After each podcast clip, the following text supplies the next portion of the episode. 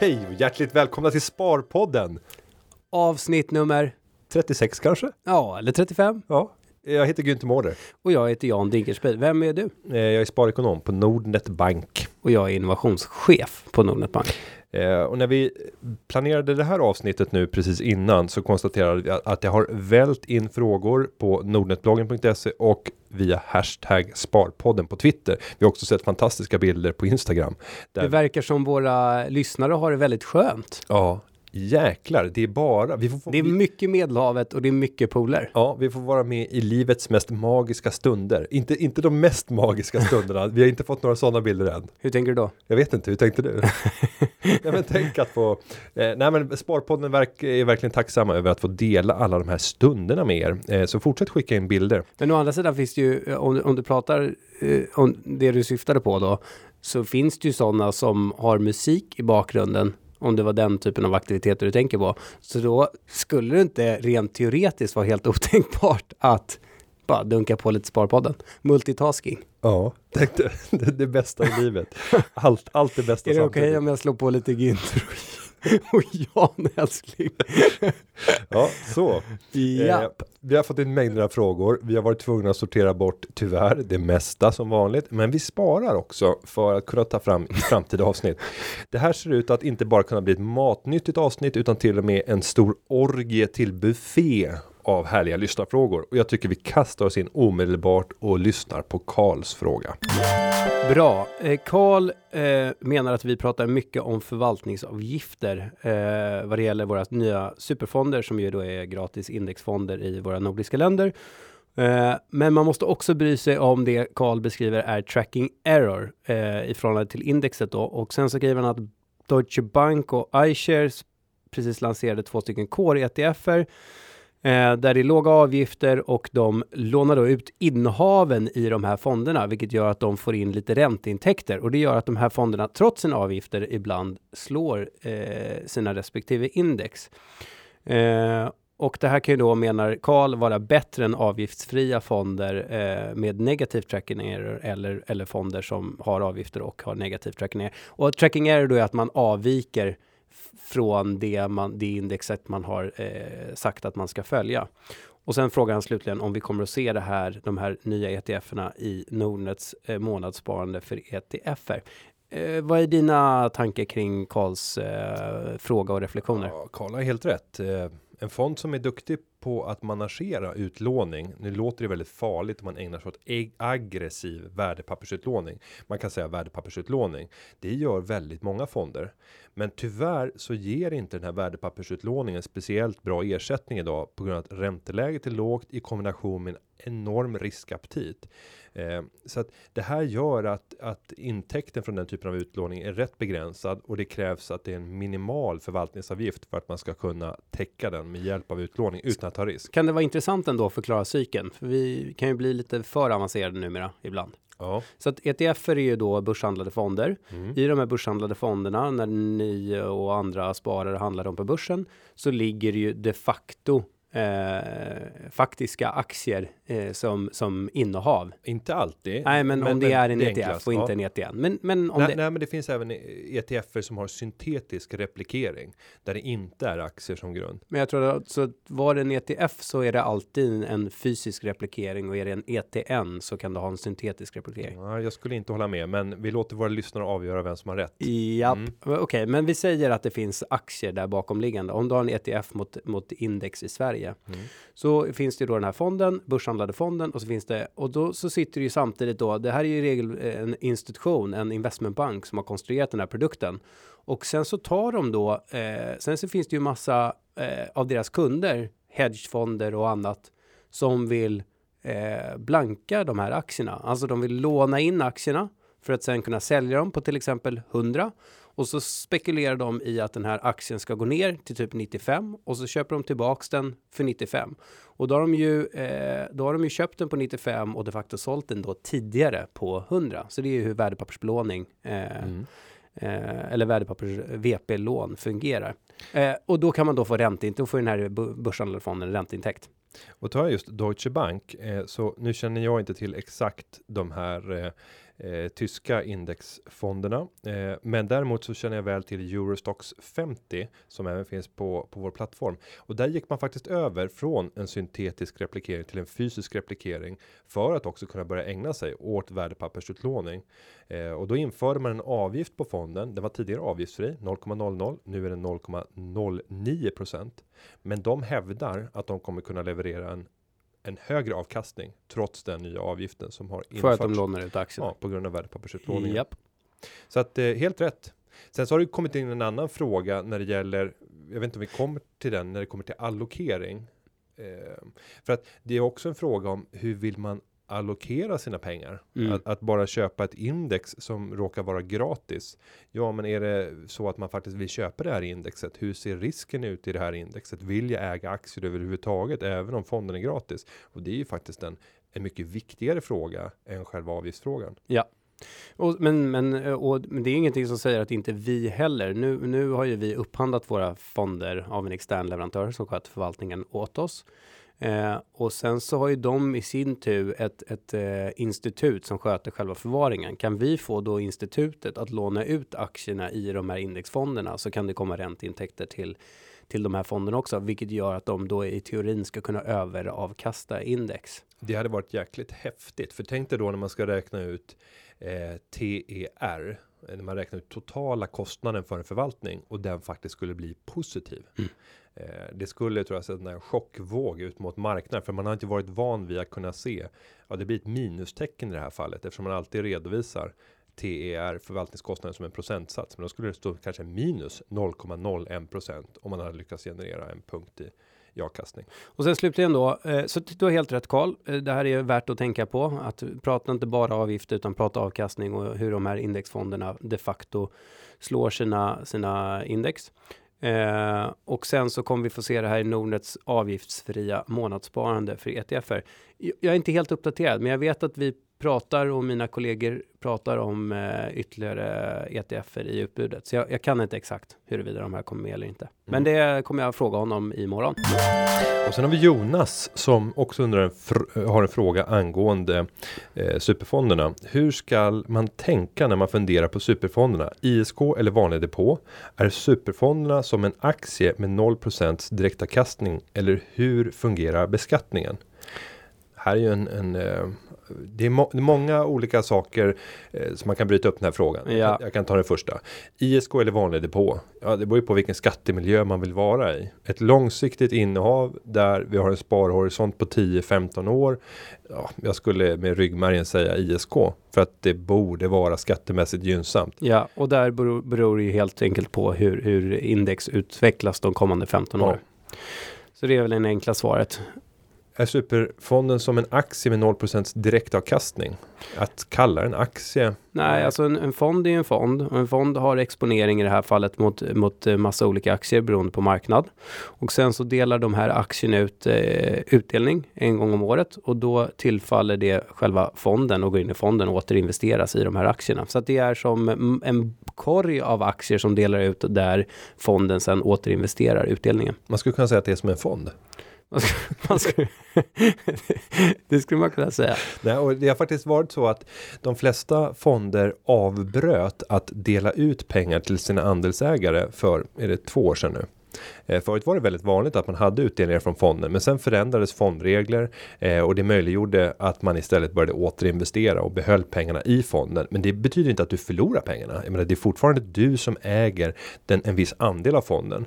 Just det. Ganska Så att fonderna, de gjorde ju om fondreglerna. Tidigare hade vi en, en beskattning och jag vet inte om det ändrades 2012, men då var det en beskattning i fonderna. Så att alla fonder som fanns i Sverige betalade en skatt till staten.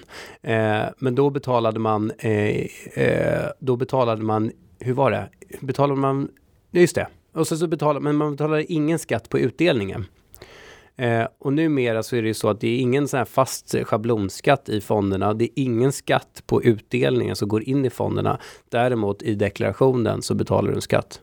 Varför ler du? Nej, jag, jag, Du tänker att jag ska bilda och förklara och så blir jag väldigt rörig. ja, alltså jag, jag hängde inte 100% med i resonemanget. Vi, vi lägger in en reservation. Det är så taskigt när du har, har fått bli den som ska förklara och sen säga ja, men det där får vi ta med en nypa Men vad salt." menar du? Nej, men ingen skatt på utdelningar. Ja, svenska fonder. Ja, fonden. Men, men jag tror att de tänker i ett sparperspektiv. När du fick utdelningen. Ja, jag tror också att de tänker i ett Jo, sparperspektiv. och spararen, när du fick utdelningen från fonden, självklart var du tvungen att betala skatt på utdelningen, 30 procent. Ja. Ja. men nu när majoriteten av alla fonder återinvesterar utdelningen så betalar de inte först 30% skatt på utdelningen Nej, innan precis. den återinvesteras utan då är det noll skatt. Och här kan man säga att fonderna gynnas framför sparande i enskilda aktier inom aktie och fonddepå. Ja, vi- ja därför att i investeringssparkonto och kapitalförsäkring är det då inte heller skatt på utdelning. Mm. Oj, vad kloka alla Så. Jonas. MS då? Eh, Ja, men det här är ju en skön eh, eh, kille. mm.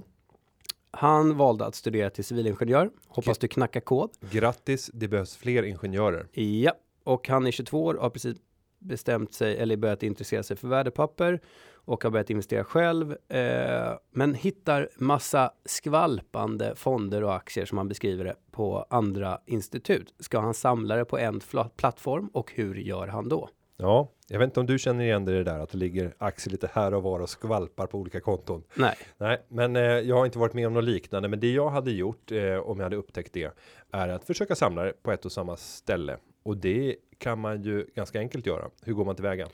Enklast är att då, ja, först har du ju då antar jag ett, en, en, en bank där du vill ha dina innehav eh, och då så måste du då kolla ut vad, vad har jag för alternativ fondkonto eller depå på de andra, vad är det för olika kontonummer. Sen kan du ge din, den bank där du vill ligga i uppdrag att avsluta konto och flytta alla värdepapper till det, det institut du vill ligga på. Så det, det kallas en avslutsfullmakt och då ger du till exempel Nordnet eh, fullmakt att avsluta dina engagemang på de andra delarna. Så flyttas det in. Ja, och ibland så kan det tas ut en avgift för det här. Så det kan du ta reda på innan vad det eventuellt skulle kosta. Just det. Så att bankerna då säger ju att eh, men flytt ut till annat värdepappersinstitut kan kosta eh, 99 kronor eller 199 eller 499 per VP. Ja, sen brukar, och sen brukar det alltid vara ett tak någonstans. Typ efter 10 eller efter 5 värdepapper. Så 499 eller Men 999. konkret, men vi pratar ju egen sak. Det är klart att vi tycker att eh, våra kunder ska samla sina innehav här och jag skulle inte tycka om som, eh, som, som kund att eh, behöva logga in på fem olika ställen. Men det finns ju Nej. inga jätteekonomiska incitament att samla på ett ställe. Du kan få bättre villkor och så vidare, bla bla bla. Du får, ju, Men- du får ju en bättre överblick. Du kan få bättre villkor när du gör dina affärer eftersom du samlar mer på ett, Ja. ett ställe. Och, och jag tror också att du blir bättre. Ja, men vi talar ju väldigt mycket egen sak med det och Jo, men även om du gör hos någon annan bank Ja. eh, så tror jag att det, det skulle vara en fördel. Har du en liten en eh, skvättar på olika ställen är sällan någon, någon fördel ja, oavsett var.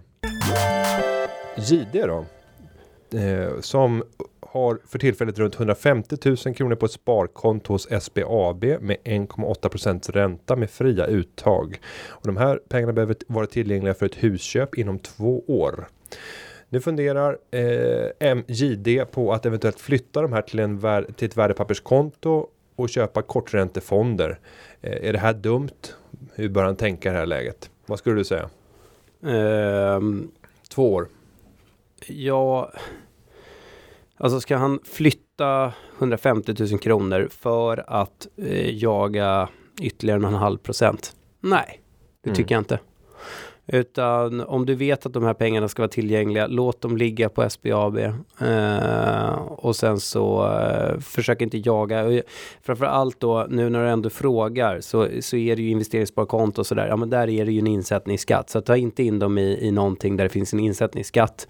Det vill säga kapitalförsäkring i investeringssparkonto. Utan om något in i en aktiefond på och investera i korta, korta räntefonder eller korta medellånga. Men, men eh, jag tycker inte att det är värt eh, tiden. Jag tycker inte att det är värt pengarna. Nej, jag står beredd att, att hålla med. Alltså vad är 1% på 150 000? Det är 150 kronor. Nej, eh, Nej, det är det inte. Det är 15 000, Ett- fe- ett- 1500 kronor. 1500 Tack. kronor. Och sen en halv procent på det så är 750 kronor på årsbasis. Så Mm. är det ja, en tusenlapp. Ja, nej, det, det blir det blir klent eh, och med dagens låga räntor som verkar fortsätta att falla eh, så kan man inte förvänta sig speciellt mycket. Nu verkar det här vara en, en rörlig ränta. Eh, kanske på 1,8% Där kan man fundera på om man om man vill låsa, men det allt, innebär alltid risker när man håller på och låser pengarna på olika Så är det. Ska vi gå vidare med Nico? Mm. Ehm, och han, han besviken. risar ju oss Ja, han är besviken. inledningsvis. Ja, Nu har jag ställt min fråga två gånger och därför försöker jag igen. Det vill säga vi har inte svarat på den här. Vi får även en liten sån här sneglad gubbe. Det uppskattar vi.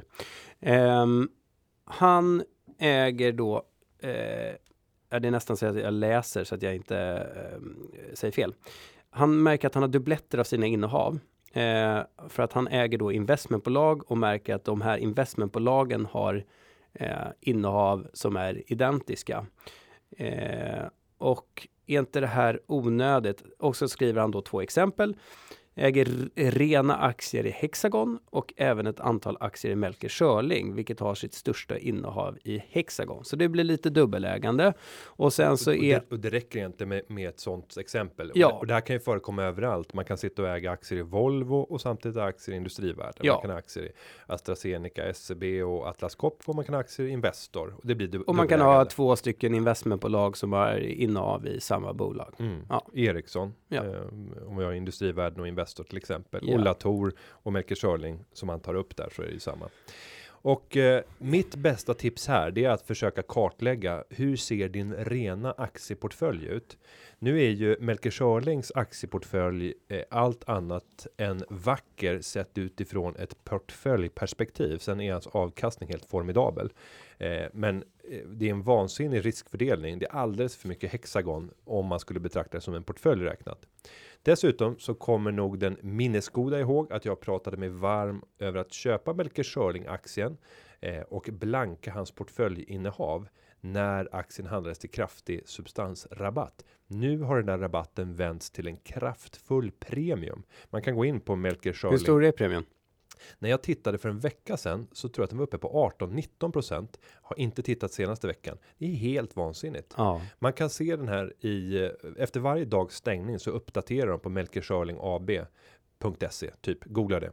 Där på hans hemsida så redovisas det på första sidan. Vad är substansrabatten eller premien? Och just nu är det en vansinnig premie. Och hur? Hur tänker investerare när man betalar en premie för ett investmentbolag vars alla tillgångar handlas på börsen? Ja. Varför betala ett eh, 15-20 procentigt överpris för det? Vad är det drivet av? Om du tittar i vilket du, du den här, det här är ju en aktie som du Jag följer.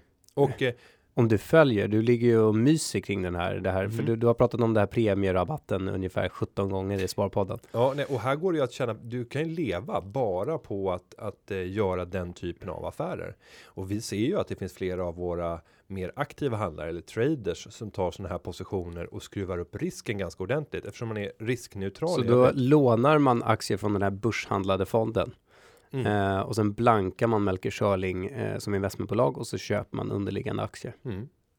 Eh, och, och så mitt, mitt råd i det här Men vad fallet. tror du att det är drivet av? Är det liksom dålig likviditet och privatsparare som är inne och tänker Melker Schörling har gått bra, den köper jag och sen så blir det en premie. Eh, när är eller så- vad- vad- när det är är, sån här det, är det för mycket volym för att det ska vara Avanza och Nordnet drivet? Eh, när det är sån här premie, då har jag svårare att förklara. Rabatten kan jag enklare förklara.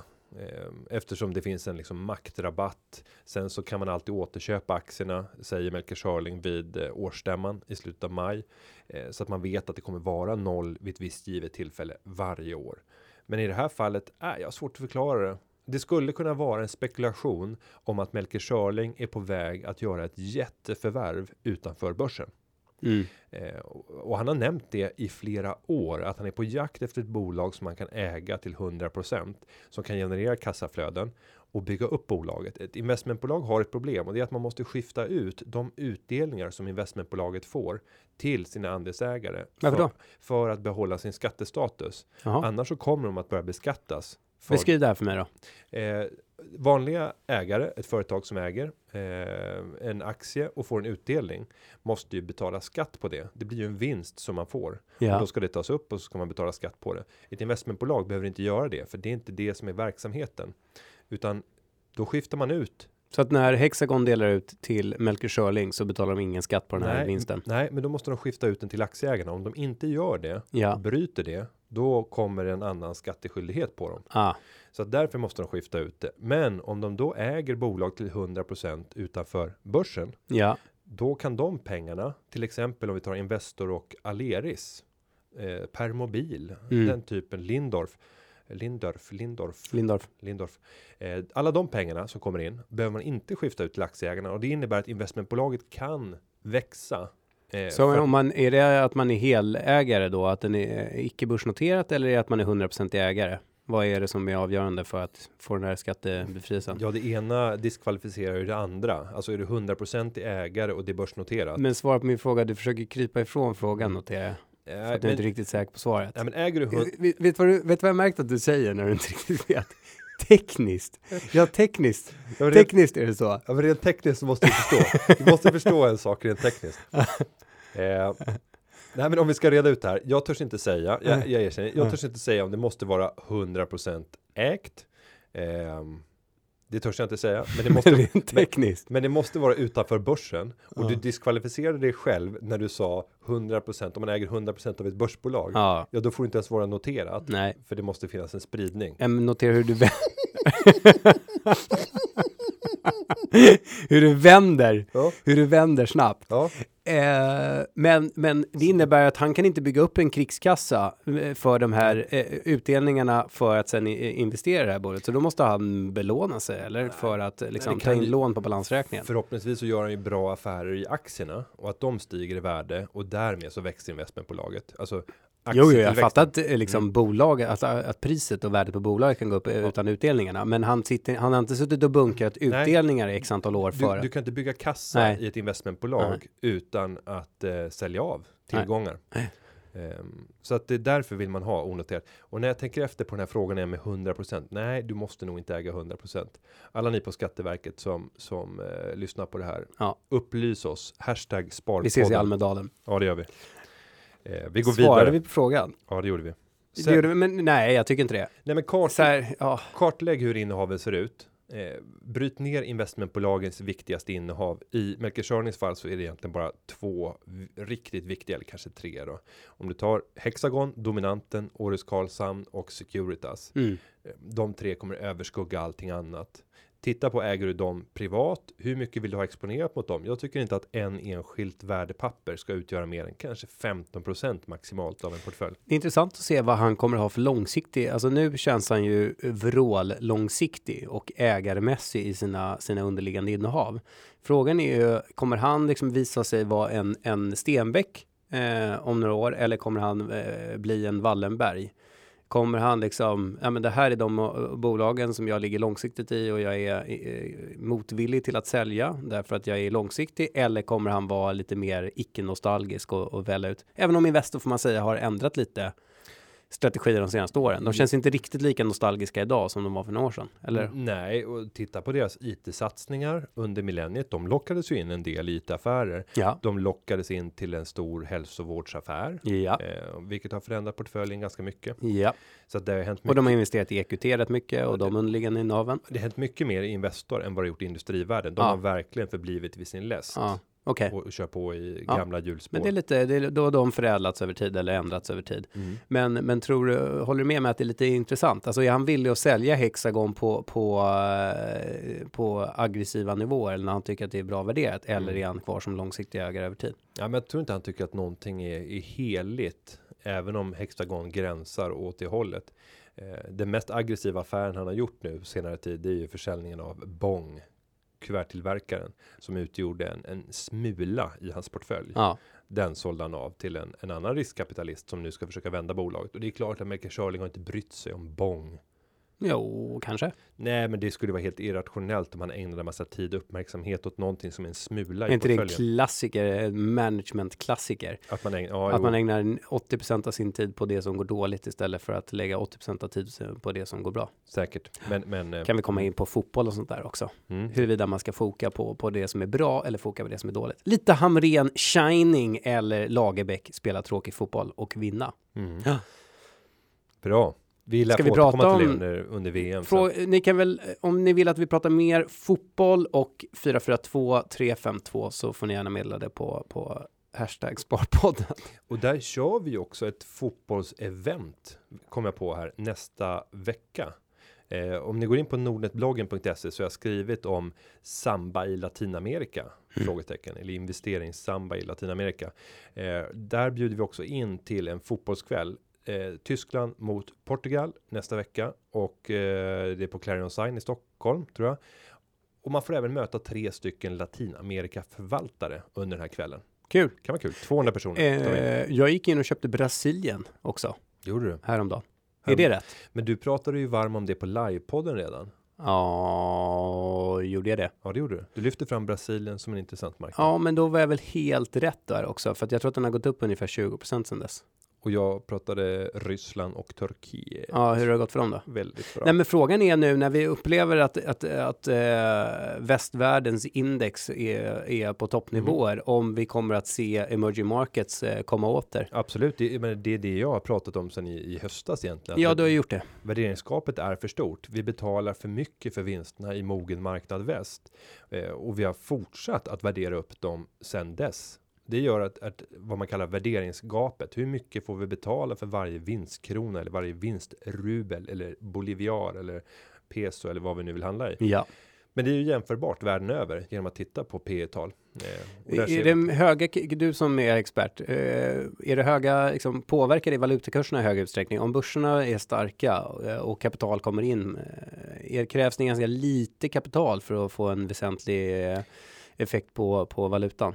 tillväxtmarknaden. Ska jag köpa reisen? Ja, nej, men tillväxtmarknaderna är minimala i sin storlek. Om jag ska ta några storleksexempel eh, så kan man jämföra hela Brasiliens aktiemarknad har en free float, alltså aktierna som finns ute på marknaden och är möjliga att omsätta. Och då exkluderar du de som är ägda av stora investmentbolag och institutioner eller? Så det, Ja, det så- som inte rör på sig regelbundet? Ja, ja, det som inte har, har, jag vet inte om definitionen är ett år eller om det är två år. Det finns säkert någon finansiell definition Ja, vad free float är. Ja, men, men aktier som normalt sett inte är ute till handel. Om vi jämför det så motsvaras eh, free floaten i Brasilien av free floaten i Google. Japp. Vad är Google? 2000 miljarder eller? Ja. 2000, 2003? Ja, sen ska det vara free floaten i det. Eh, jag låter det vara osagt, men jag har bara sett jämförelserna eh, och jag såg att att hela den ryska aktiemarknaden ungefär hälften så stor eh, free float och den motsvaras av Procter Gamble. Mm. Så det säger lite grann om hur små de här marknaderna är. Nu pratar vi hela aktiemarknaden i Ryssland, hela aktiemarknaden i Brasilien. Mm. Och det betyder ju att om bara utländska investerare, du och jag, börjar stoppa in i de här fonderna, Latinamerikafonder, Brasilienfonder, Rysslandsfonder, så fort det blir ett sånt flöde, Mm. då kommer det att dra kurserna. Ja, Och folk tvingas växla över i valutan också, men valutan har en helt, det är helt andra faktorer ja. eh, som kommer att kunna spela en helt eh, dominerande roll. Just det. Med, med, om vi tar de bästa börserna i, i Latinamerika hittills i år, eller om vi tar ett års sikt, det är by far Venezuela och Argentina. Argentina. Och båda de här länderna omgärdas ju av en väldig instabilitet. Ja. Eh, både politiskt och när vi tittar på, på penningpolitiken. Eh, och det gör ju att den här avkastningen som vi ser på börsen, det är ju inte vad vi har fått.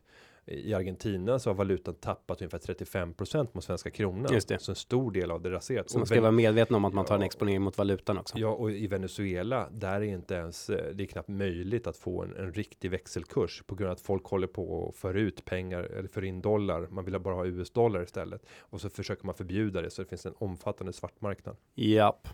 Eh, Hur kom vi på det? Eh, ingen aning. Eh, Det var ju som svar på det här med investmentbolag. Bra. Eh, vi är på eh, JV. JV håller på och letar en ny bil. Jag tycker att det är svårt att veta hur man ska hantera bilhandlare. Dö. och hur man ska göra för att få en okej deal. Det får man inte. Jag tycker man känner sig blåst hur Ja. man än gör. Skulle ni kunna ägna ett helt avsnitt åt bilköp? Ha det bra. Det, första, det sista, svaret på sista Hette frågan. inte är han i Snabba Cash? Hette inte han JV? Jo, och jag Ja. tror att när JV har ställt flera frågor. Ja. Och frågan där om vi kan ägna ett helt avsnitt åt det, eh, svaret är blankt nej. Nej, det ska vi inte göra. Eh, Men du är ju en snålfan. Mm. Hur, det, jag lyssnar hellre på dina rekommendationer än på mina egna. Ja, vi har ju fått höra eh, när du blev Mitt sämsta köp, Vad- där vad bilen bara försvann. Sven-Erik. Sven-Erik Lundqvist, tror jag att han hette, det återstår att se. Eh, Göteborg, en dealer i Göteborg. Eh, först sålde han en, en krockskadad eh, Volvo till mig och sen så tog han min eh, vita Mitsubishi Colt som jag aldrig mer såg. G- GT kanske var det. Så om ni känner bilhandlaren Sven-Erik Lundqvist i Göteborg så får ni gärna hälsa honom att han är skyldig mig, tror jag, 35-40 000. Mm. Eh, hur skulle du göra? Ja, Jag har ju hållit på faktiskt och varit lite bilnasare själv eh, och hållit på och köpt och sålt eh, lite, lite sportbilar faktiskt i min ungdom. Ja, du har ägt en Ferrari. Eh, ja, en, en ombyggd Ferrari 308 GTO Pininfarina 84. Eh, men jag har också ägt eh, BMW Z3M. Jag har haft eh, Pontiac Firebird, en cabriolet. Och de här har jag gjort vinst på hela bunten. Ja, Mm. hur gick du tillväga? Jo, det gäller att aldrig vara i behov av bilen och det är lättare sagt än gjort. Ja, och i det läget så försöker jag hitta någon som är, det här är hemskt, förlåt, förlåt, ekonomiskt utsatt. Men det är så. Alltså personer som är ekonomiskt hårt åtsatta kommer att eh, lida skada på grund av att de stressas av att göra affärer. De måste ha cash nu. så du är noll behov, men den som säljer är i, jag, i stort inte, behov? jag, jag har alltid haft liksom en, en bruksbil. Eh, så att jag har aldrig behövt de här bilarna utan jag har tyckt att det varit roligt och dessutom har jag gjort affärer på dem. Så till skillnad från, jag sitter ju i princip när jag går in och tittar på bytbil.com eller på blocket.com eller blottet.se, då ser jag ju mig själv cruisa runt i den här bilen. Mm, Nej, aldrig. Nej, Då inte så. då det är fel, det är Då har du mentalt sålt dig. Du har Ja. sålt dig åt bilen. Ja, Och då gör du en dålig affär.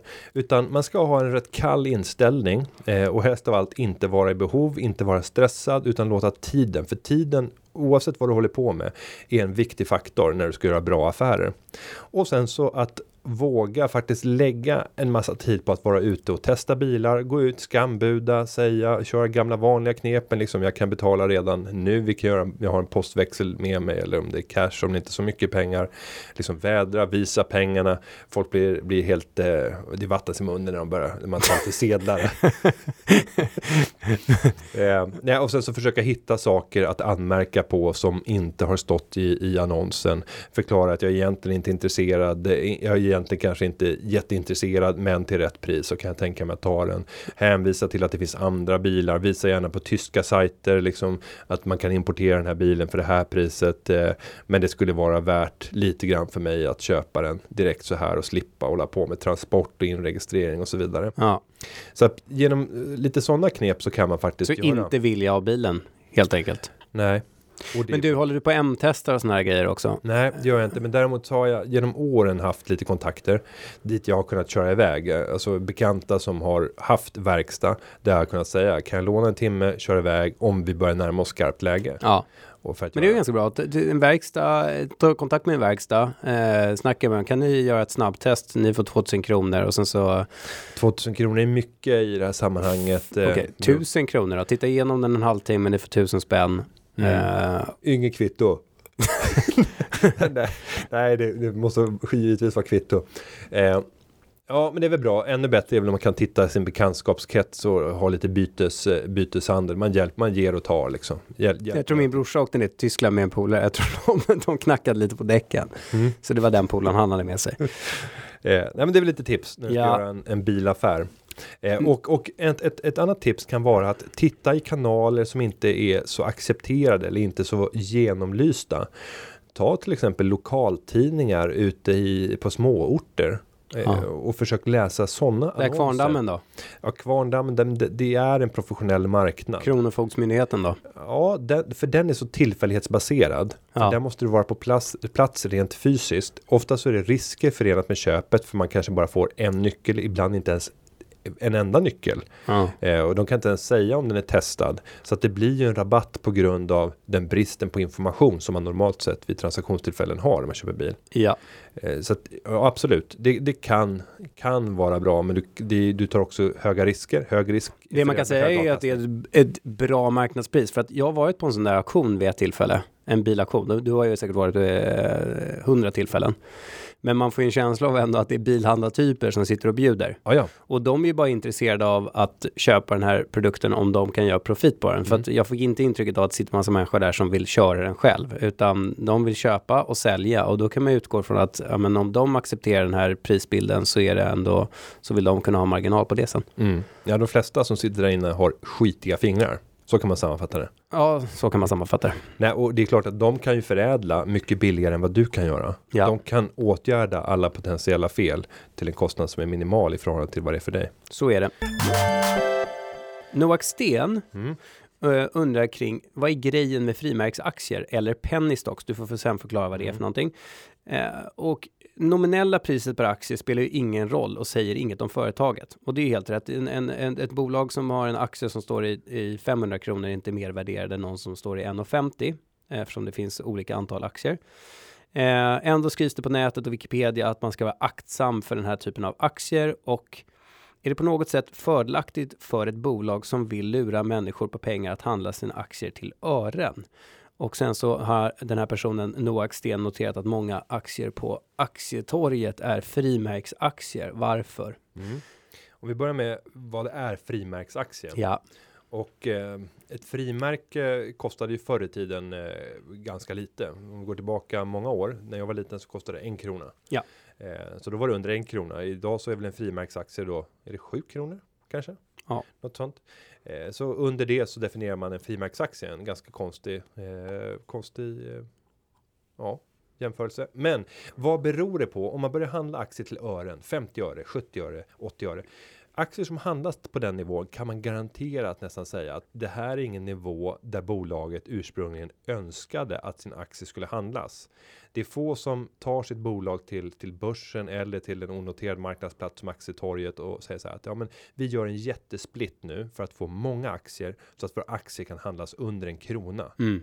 För det ger ett oseriöst intryck. För mig när jag ser en aktiekurs under en krona, då misstänker jag att här har det varit en otrolig värdeförstöring under lång tid. Jag tror att aktien kanske handlas till 20 eller 40 eller 60 kronor någon gång i tiden.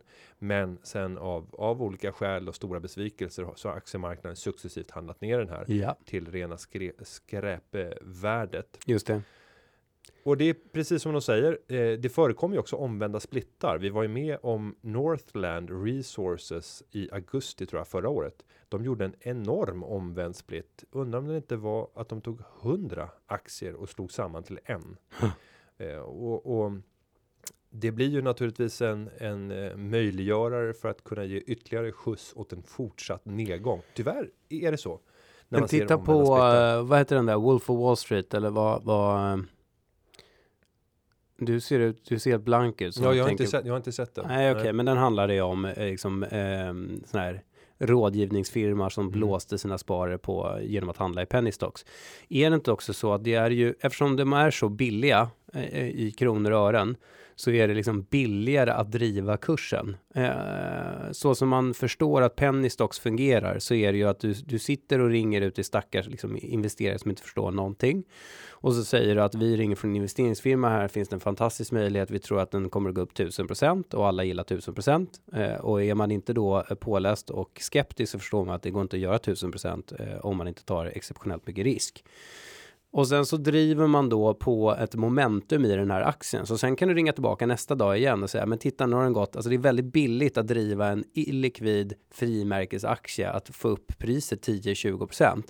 Och så skapar man momentum, ringer och ringer och ringer och så säger man titta var den går, titta var den går och hoppa inte på, hoppa, hoppa, du måste hoppa på tåget innan det är för sent och så vidare. Och sen sitter man ju någon annanstans och agerar motpart. Så man sitter då och har köpt upp sig billigt i den här aktien.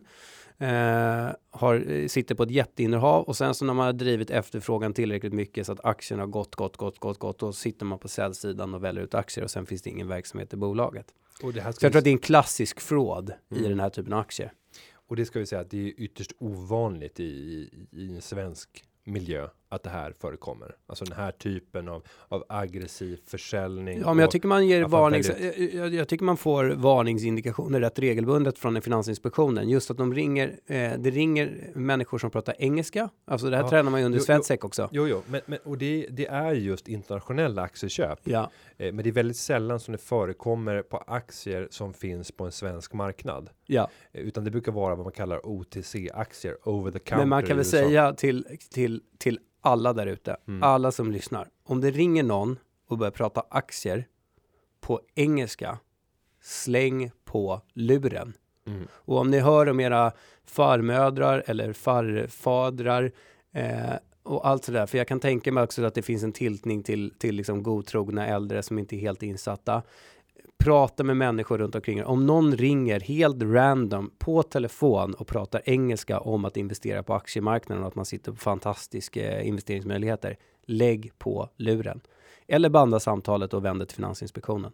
Eller Finanspolisen tror jag. Nu, jag- ska göra mitt Swedec, eh, det här eh, provet igen. Mm. Är du Swedec-licensierad? Nej, jag är inte det. Nej. Det, det, och det där kan man, kan man eh, diskutera. Jag sitter ju aldrig i en individuell rådgivningssituation. Men, eh, men det är väl klart att jag borde ta det ändå. Ja, du skulle ju Eh. naila det. Ja, Men jag ska, man gör en sån här årlig kunskapsuppdatering och Mm. jag har för mig att jag fått ett mejl om det. bra. Eh, det, Tycker du att det var ett bra tips? Ja, det var det. Eh, Och jag kan väl bara sammanfatta till Noak Sten här att eh, om man skulle bygga upp en portfölj av de 10 billigaste aktierna varje år och sen så utvärdera den mot börsen som helhet så kommer den här portföljen att underprestera i majoriteten av fallen. Sen så finns det en maktdimension. Tekniskt Ja, rent tekniskt. Nej, men det finns också tror jag så här maktkänsla inbyggt i populariteten. Vi ser ju att många kunder hos Nordnet tycker att det är roligt att köpa den här typen av aktier. Och jag tror att det hänger samman med att man får sådana enorma tal. Alltså en vanlig privatsparare kan då sitta med 100 000 aktier. Alltså Mm. hur ofta gör man det? Mm. Försök göra det i, i eh, Millicom. Ja, Det är inte så lätt. nej. Eller i Nordnet. Men tror att det är det att man gillar att ha många Ja, antal ja, aktier. Ja. Ja, det är klart. Och jag har själv varit där liksom, och liksom njutit när man har loggat in på sin depå och bara ser ett, det här enormt stora antalet, 240 000 aktier. Oövervinneligt. Nej, men det ligger säkert en dimension i det också. och värda tre öre styck. Karin Karamell. Mm. Hej Jan och Rickard. Mm. You rock. Ja. Rickard är alltså ditt dopnamn Det och det det. är namn som jag kommer att kalla dig eh, vid framöver. Mm. Jag vill investera vackert, det vill säga grönt och skönt, så att både plånbok och själ kan få ro. Går det, inom parentes, framgångsrikt att endast satsa på miljö, ekologiskt, fairtrade etc. framför att lägga slantarna hos monster som oljebaroner och konsumtionsjagande storbolag? Vad är era tankar här? Eh, styr det oss när vi själva investerar? Puss och gos. Hälsningar Karin. Mm, nej. Två frågor då. Nej, det är inte möjligt. jo. Ja, två frågor. Ja, Varsågod. Nej, men, ja, men två frågor. Ett, går det att få access till, till etiska sunda investeringar? Två, hur tänker du? Mm. Eh, Går det att få access? Absolut. Eh, menar, om, vi, om vi tar Nordnet som plattform så är den en av de största som du kan tillgå. Så självklart finns ju det mesta du kan tänkas behöva. Sen så handlar det om att du måste definiera vad är eh, liksom gott för dig. För att det finns så många olika definitioner där ute och man har inte enats kring en standard för hur man får kommunicera. Vad är etiskt? Vad är grönt? Det finns några sådana de- definitioner med gröna eh, obligationer och det, det finns olika typer av, av index som man kan förhålla sig till när det gäller sin rapportering. Eh, och det kan vara att man väljer ut den bästa i sin klass och så vidare för att av- avgöra vad är bäst practice när det gäller etiska investeringar.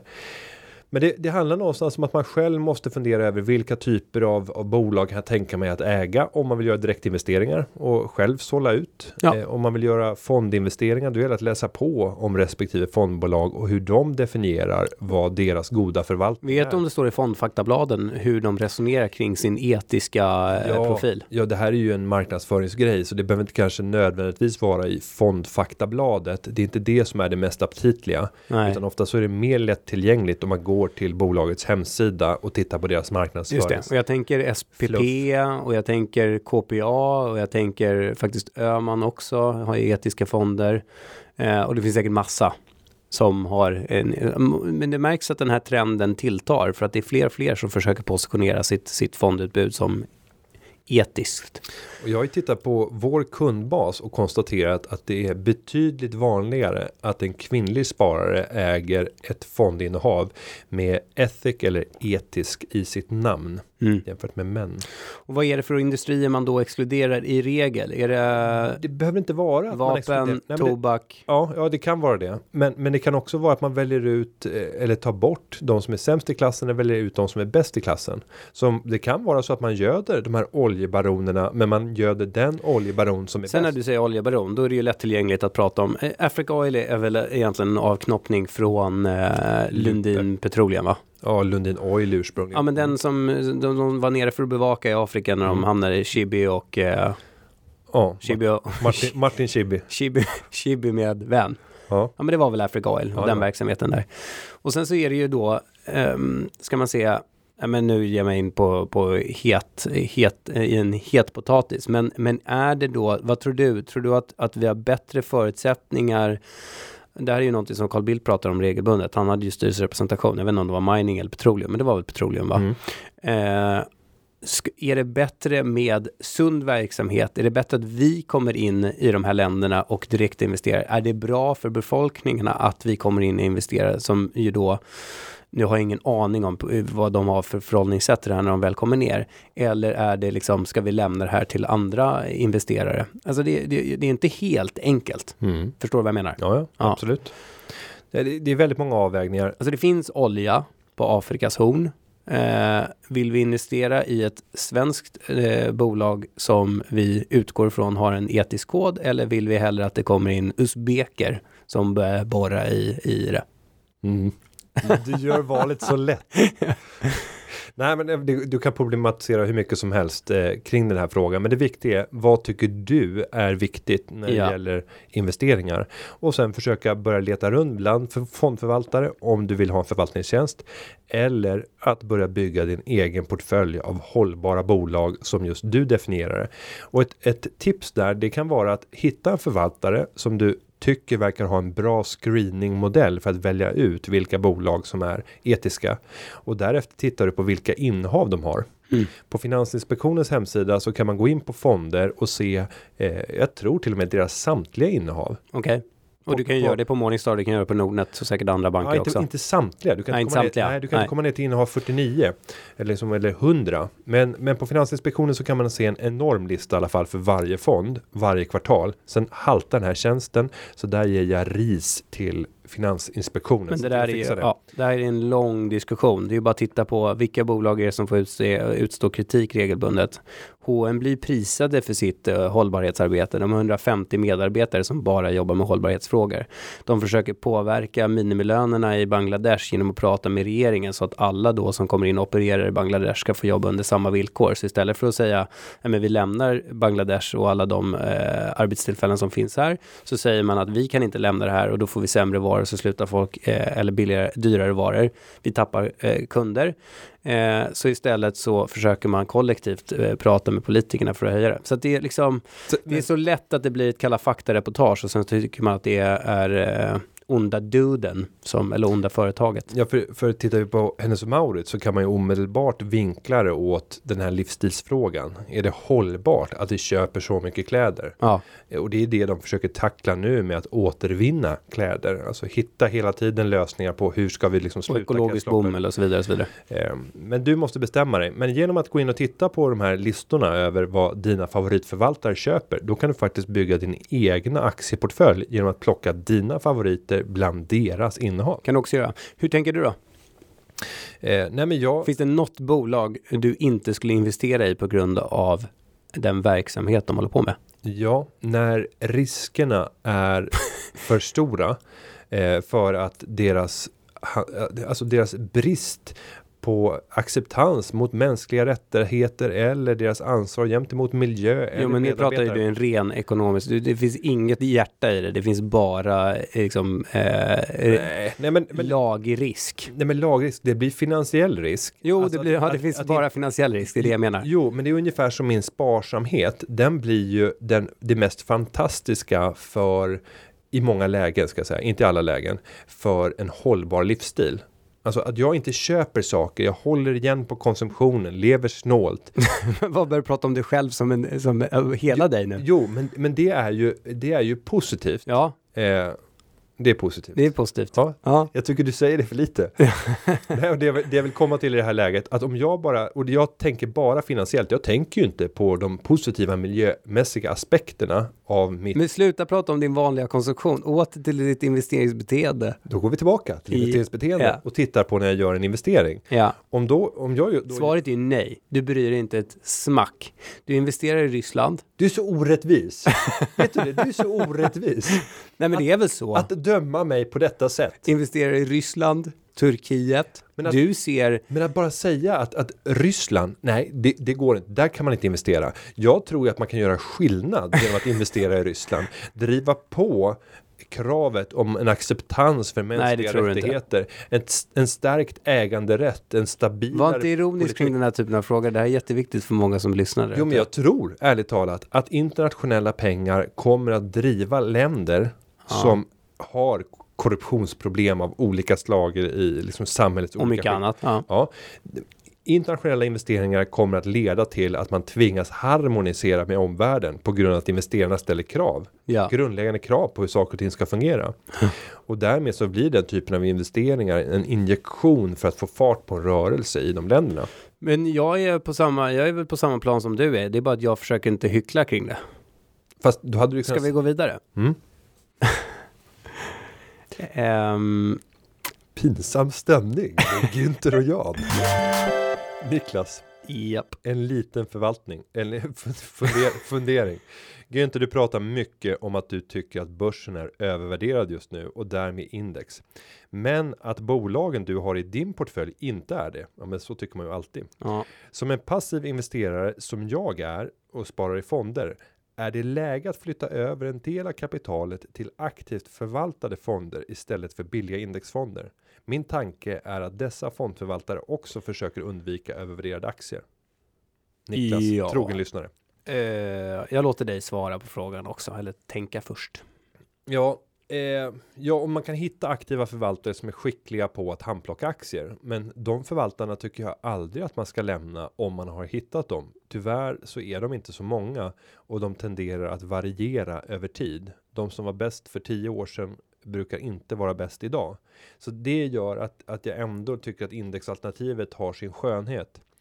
Eh, så att att börja leta efter en aktiv förvaltare det är också ett annat problem. För när du köper en aktiefond, är man skeptisk till börsens utveckling, då är min naturliga reaktion att jag växlar över till likviditet, räntebärande placeringar, kanske kör lite mer defensiva aktier. Det kan en aktiefond göra, växla över till defensiva aktier. Ja, Men de kan inte växla över till massa likviditet. Normalt sett så säger man att fonden ska ha en hög andel investerad i aktier om man är en aktiefond. De kan inte gå ner till 50% om de inte har bett att få ett sådant mandat. det regleras av fondbestämmelserna. Ja, Mm. och, och därmed så, så tror jag att förvaltare i vissa läget faktiskt mår nästan illa och tänker så här att jag vill egentligen inte ligga med 95% aktier nu för jag känner skepticism. Jag hoppar in så här Niklas också, eller Günther, eller Rickard. Eh, det är ju också så att det visar sig att väldigt många aktivt förvaltade fonder slår inte sitt index över tid. Eh, över tid, eh, repeterar jag. Det vill säga att nej, men de har inte förmågan att kunna växla ur då eh, aktier som går bättre än index eh, i uppåtgående marknad och som då faller mindre än eh, index i en nedåtgående marknad. Det är en illusion. Det är därför det känns aptitligt då som, som icke-kunnig eller som icke-expert på området att investera i aktivt förvaltade fonder. För man tänker, här sitter det människor och ägnar tid och energi på att bara eh, prestera bättre än index. Det är klart de borde kunna göra det. Det borde inte vara svårt, svårt att slå en apa. Men med avgifter så visar det sig att det är exceptionellt svårt att slå en apa. Och jag, nu refererar jag till en undersökning eller en tidningsartikel som var i Näringsliv för, vad är det, två år sedan? Som visar att 8 av 10 av storbankernas aktivt förvaltade fonder slår inte sitt jämförelseindex. Så att nej, du kan, du kan gå ur marknaden, precis som Günther är inne på, ligga likvid, men gå inte över från en, från en passiv fond till en aktiv fond och tro att de kommer att eh, sköta hela en eventuell nedgång åt dig. Nej. Eh, Och internationell forskning, när jag tittar på det, säger 7 av 10 aktiva förvaltare blir slagna av sitt index år 1. Men sen fortsätter ju det år två, år tre, år. Det gör att nio av tio över tid kommer att bli slagna. Men en av tio kommer lyckas. Ja. Mm. Christian. Mm. Ehm, jaha. Han säger tack, vad bra ni är. Ja, tack Ja. för en god vinst i Turkietfonden säger han. Tack Ja. Christian själv. Tobias då? Ja.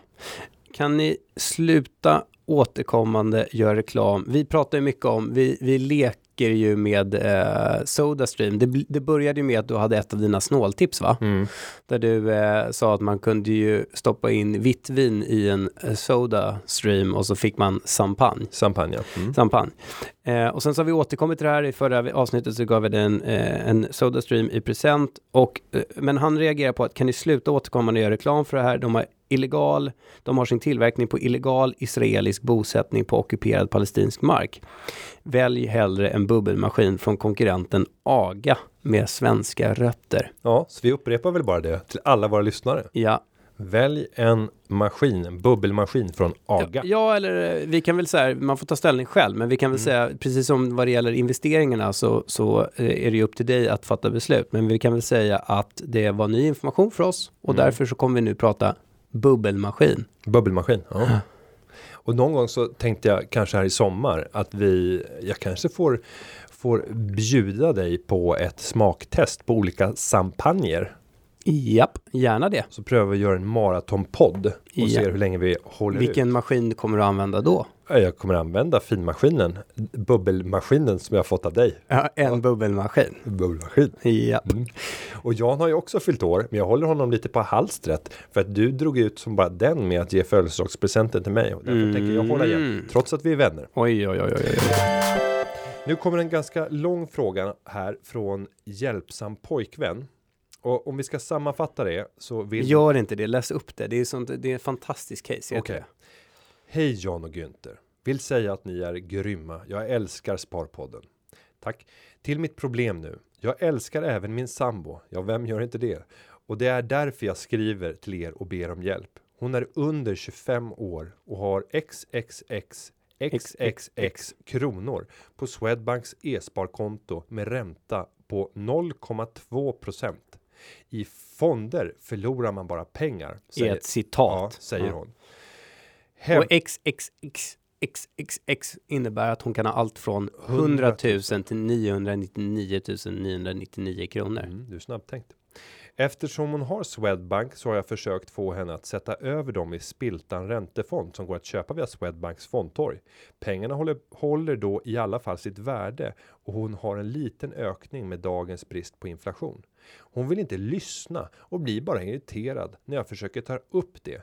Men jag gör det för hennes skull. Jag förstår ju om hon tvekar och säger gå all in i biotech då skulle jag också dra öronen åt mig. Men spiltan räntefond? Frågetecken.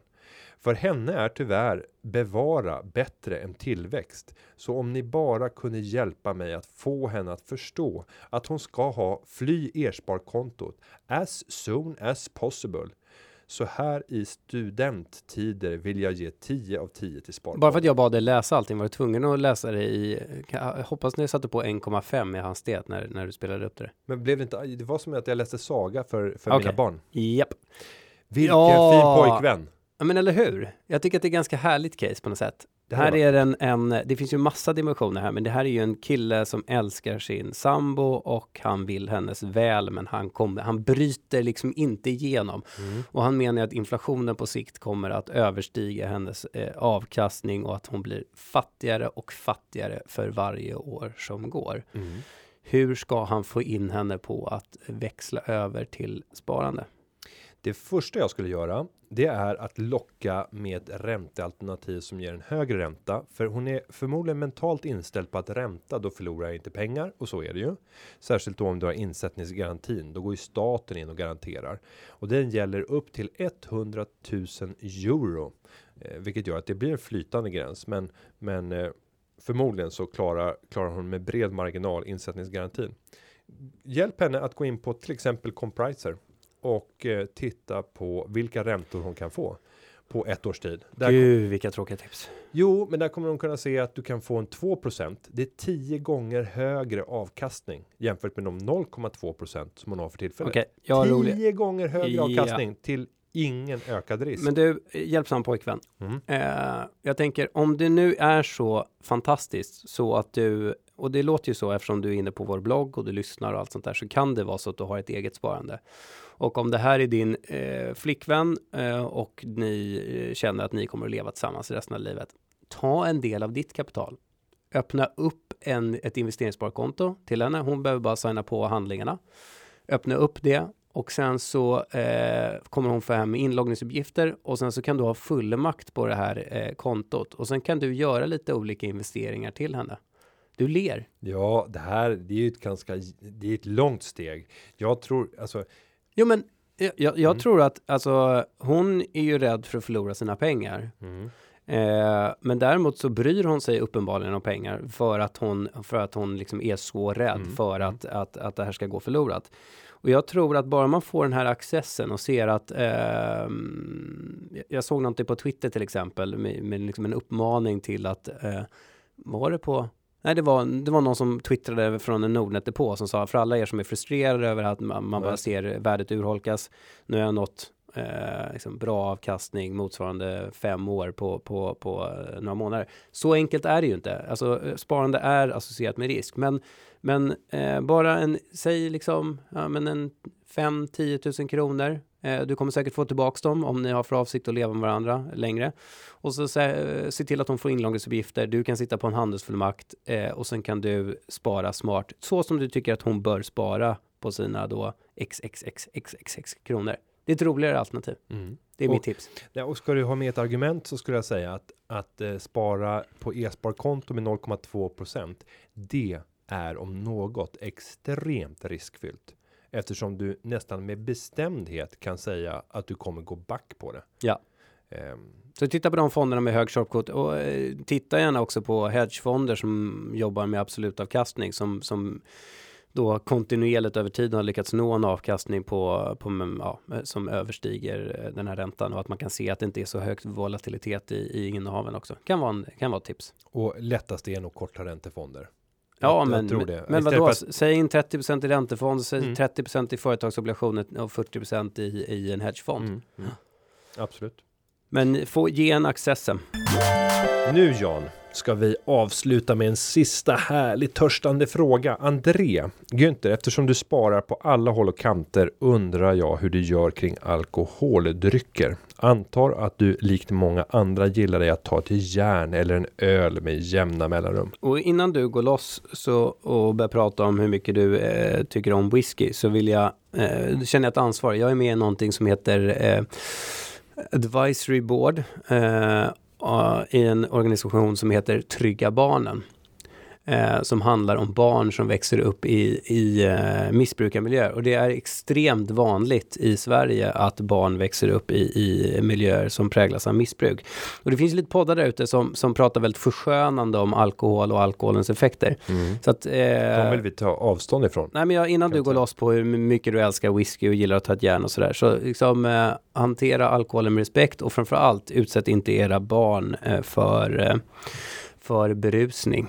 Mm. Säger jag, jag, men jag är också pappa och det händer att jag tar mig ett glas vin och sådär. Men, men eh, det är ett eh, väldigt viktigt och vanligt samhällsproblem. Så att i den utsträckning det går, eh, drick inte framför barn. De tycker att det är läskigt. Du ler. Ja, Sitter du och super ler. framför dina... Nej, nej, men jag tyckte bara att det hela, Ja, det var lite malplacering för att det skulle vara en kul avslutningsfråga. Alltså. hela, hela, hela stämningen bara. Pff. Nej, men jag tycker att det är viktigt. Jag, jag, jag tycker också att det är jätteviktigt. Ja, jag hör det. Mm. Självklart.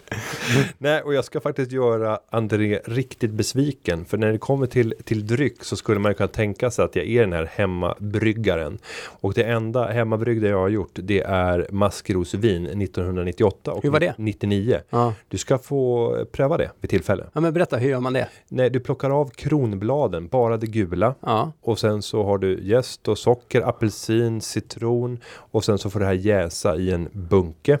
Och man behöver inte ens tillsätta jäst för att det är det här lagligt? Ja, det är lagligt. Ja. Ser lite osäker ut. jag, tror, jag tror nästan precis. Jag tror Hembränning är väl Nej, olagligt? jag tror att det är precis helt lagligt för, för eget bruk. Aha. Det får inte sälja. Ehm, och sen så låter man det här stå under några veckor och eh, sen så eh, buteljerar man upp det. Mhm. Och eh, Vad smakar det som? lagrar det. Det är ett dessertvin. Ett Ja. sött dessertvin som är starkt. Passar väldigt bra till eh, vaniljglass. Alltså enkla smaker. Eh, men där du, där du vill ha någonting sött Ja. till, till desserten. Okej.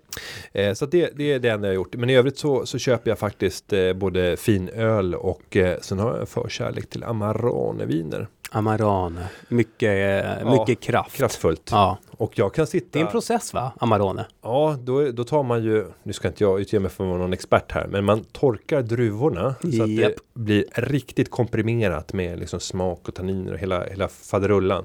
Och sen så pressar man de här nästan halvrussina på väska. Och det är klart, det går ju åt enorma mängder druvor för att producera en flaska Så i Amarone. regel något högre alkoholhalt och väldigt kraftig smak. Ja, och det kan lagras också väldigt länge. Sen har ju jag den stora förmånen att jag är ute och talar rätt ofta. Och en vanlig talargåva, det är blommor. En annan vanlig talargåva, det är en flaska vin. Och det verkar som att rätt många har lyssnat på Sparpodden. För det är påfallande ofta som man får en Amarone. Vilket Ja. jag blir väldigt glad över.